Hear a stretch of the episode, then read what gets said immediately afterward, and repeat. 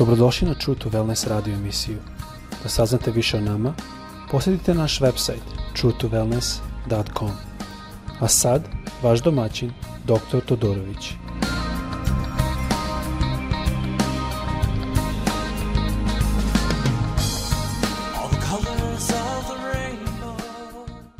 Ljubazni, dobar dan, dobrodošli na naš podcast Želim danas da počnem jednu seriju da gledamo u Jovan, Evanđelje po Jovanu, četvrta glava. Ovo je priča između događaja kad je Isus išao i prošao kroz Samarijansko selo ili grad. E, ovo je priča šta se desilo između Isusa i Samarijanke. I mislim da ima puno što se ovde može naučiti. Znači, proći ćemo kroz više stihova, celu stvar ćemo pogledati i to će uzeti više nego jednu epizodu, tako bi vas zamolio da budete strpljivi, ali mislim da je ovo jako bitan deo. E, nadam se da vam neće smetati moj naglasak jer sam odrastao u Americi, tako da e, to je malo uvijek problem. Ali pokušat ću najbolje da podelim s vama neke stvari koje se nalaze u ovim stihovima koje možda ljudi nisu shvatili.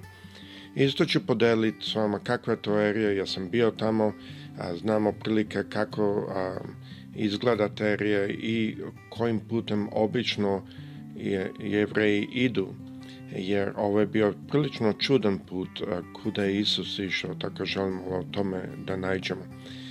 Tako, ajdemo otvoriti reč Božju u Evanđelje po Jovanu, počeši sa, u četvrtoj glavi, počeši sa prvim stihom.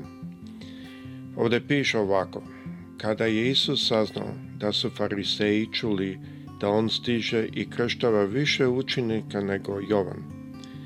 Iako sam Isus nije krštavao, nego njegovi učenici, ode iz Judeje i vrati se u Galileju. Samo da stanemo ovde, na ovom mestu trenutno, ovde u Americi mi imamo puno hrišćana koji idu sa plakatima i demonstriraju za ovo, demonstriraju za ono, demonstriraju protiv ovog i protiv onog. I kada gledam ovaj stih, jedna stvar što mi ovde upada u oči je karakter Hristov.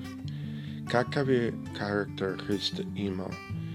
Hrist, Isus, Sin Boži, kakav je karakter imao? Kad je on čuo da su fariseji počeli da govore da on krsti više nego Jovan, to je njegovi učenici. On nije to da izazove neki problem. On nije to da tu bude, pa ja, ja imam pravo, ja sam sin Boži, on je mogao to slobodno da kaže. Ali nije, on je otišao i vratio se u Galileju. Mnogo puta moramo shvatiti, ne samo ovde, nego na puno mesta, Isus pokazuje takav karakter. Jedan karakter koji je uvek se brine za dobro drugih. Razmišljam danas, kada govorimo o virusu i o, o maskama za lice, kako bi Isus se ponašao?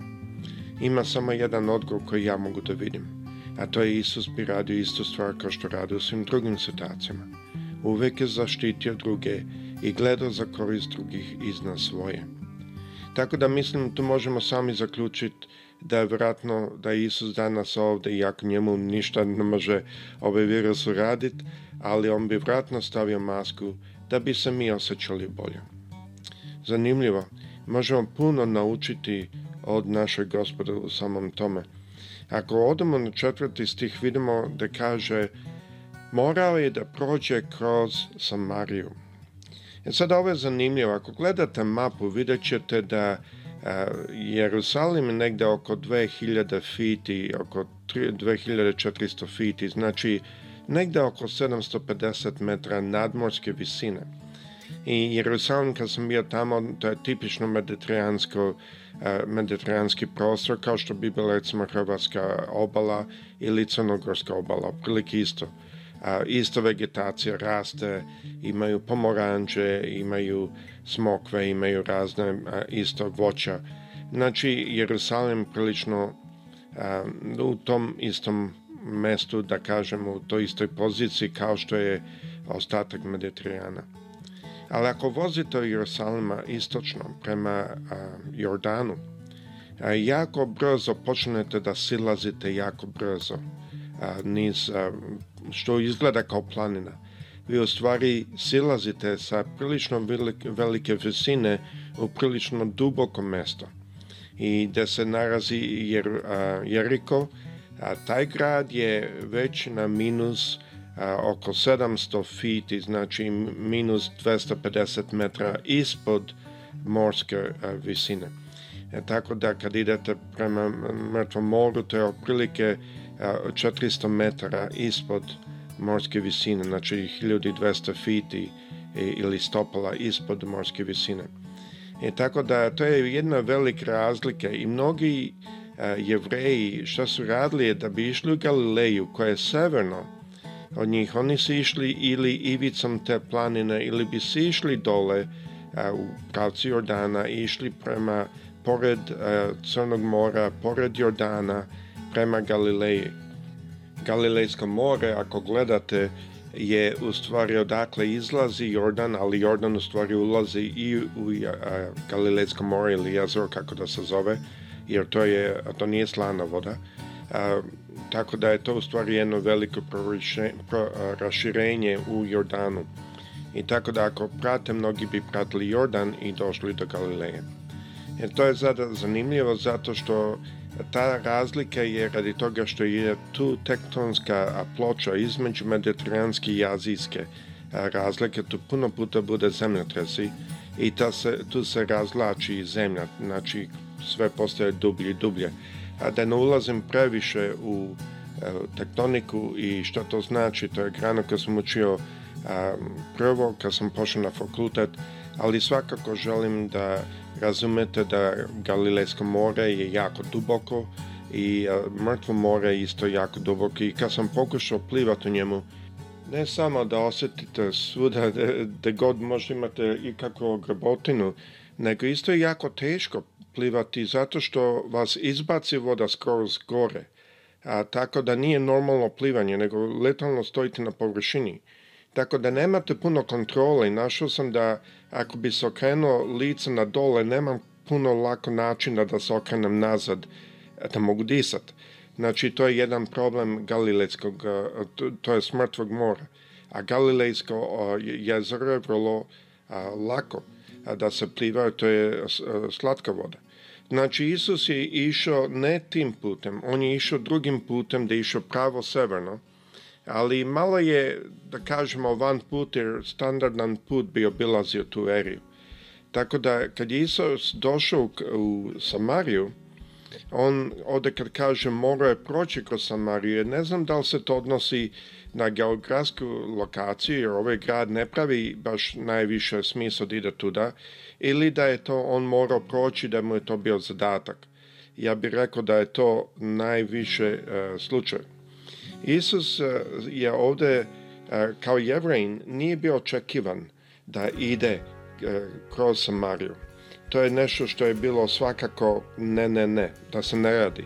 A, peti stih kaže ovako, pa tako stižu samarijski grad koji se zove Sihar, blizu imanja da je Jakov dao sinu a, svom Josipu. Tamo je bio i Jakovljev bunar, pa Isus, umoran od puta, sede kraj njega. Bilo je negde oko podne. Sad ovde je zanimljivo par stvari. Isus je počeo da hoda, i stigo je u Sikar negde oko podna. Ova je prilično pusta a, teritorija. Ovo je planinski jedan deo, a, nema puno trave, više kao pustinja. Tako da a, u podne je jako, jako vruće. Puno više nego što bi Jadransko more, recimo, našli u to doba. Vidimo da Isus bio umoran. Vidimo da je Isus hodao dugo, i izabro da dođe u najgori čas ovde pored bunara. Zašto je izabro da dođe? Da li je ovo bilo slučajno? Vidimo da ovo nije bilo slučajno. Gospod je naš znao tačno zašto on dolazi tu i zašto to dobro. Da, ovde kaže sedmi stih. Tada je jedna samaričanka došla da zagrabi vode. Isus joj reče, daj mi da pijem jer su njegovi učenici bili otišli u grad da kupe hrane. Sada ne znam da li ste razmišljali ikad ovde. Kada neko živi u teritoriji gde je jako vruće, kao što ja živim u Floridi, obično stvari se rade ili ujutru ili uveče koje su fizičke stvari. A ovo je još plus bila pustinja, nema puno hladovina od palmi, nema puno da se zaštiti. Tako da Većinom tamo ljudi kada idu po vodu, oni idu rano ujutru ili rano uveče, i, da kažemo predveče. A ova Samaranka je došla u podne. Zašto? A ovo bilo slučajno? Ne, ona je došla kada niko drugi ne dolazi. Zato što je imala jednu reputaciju. A ona je bila poznata. Ona je bila... Um, vrsta osobe koju bi vi upozn, upozorili vašu decu da se ne druži sa njom. Ona je bila, imala, da kažemo, jednu reputaciju. A, tako da ona je došla namerno podne da bi uzela vode da niko ne vidi.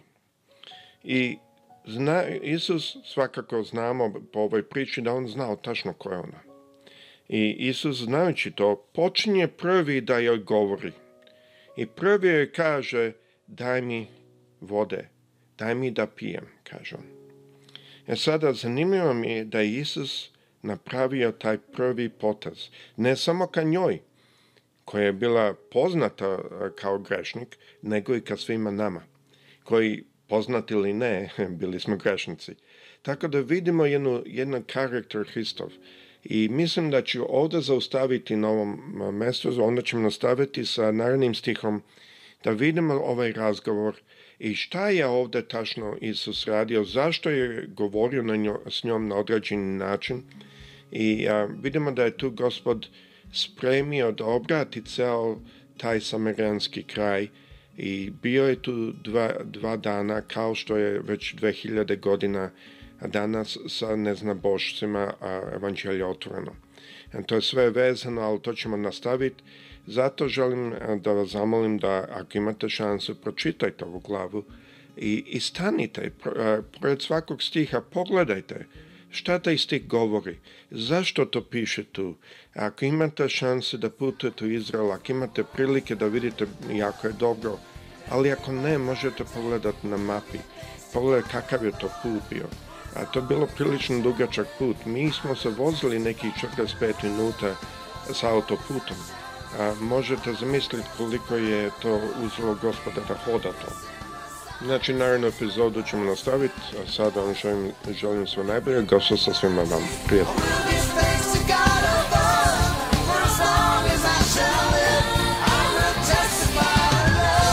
Slušajte True to Wellness radio emisiju. Pridružite nam se ponovo svaki utorak četvrtak i subotu. Za kontakt molimo posjetite naš website truetowellness.com. Naša email adresa je info at truetowellness.com.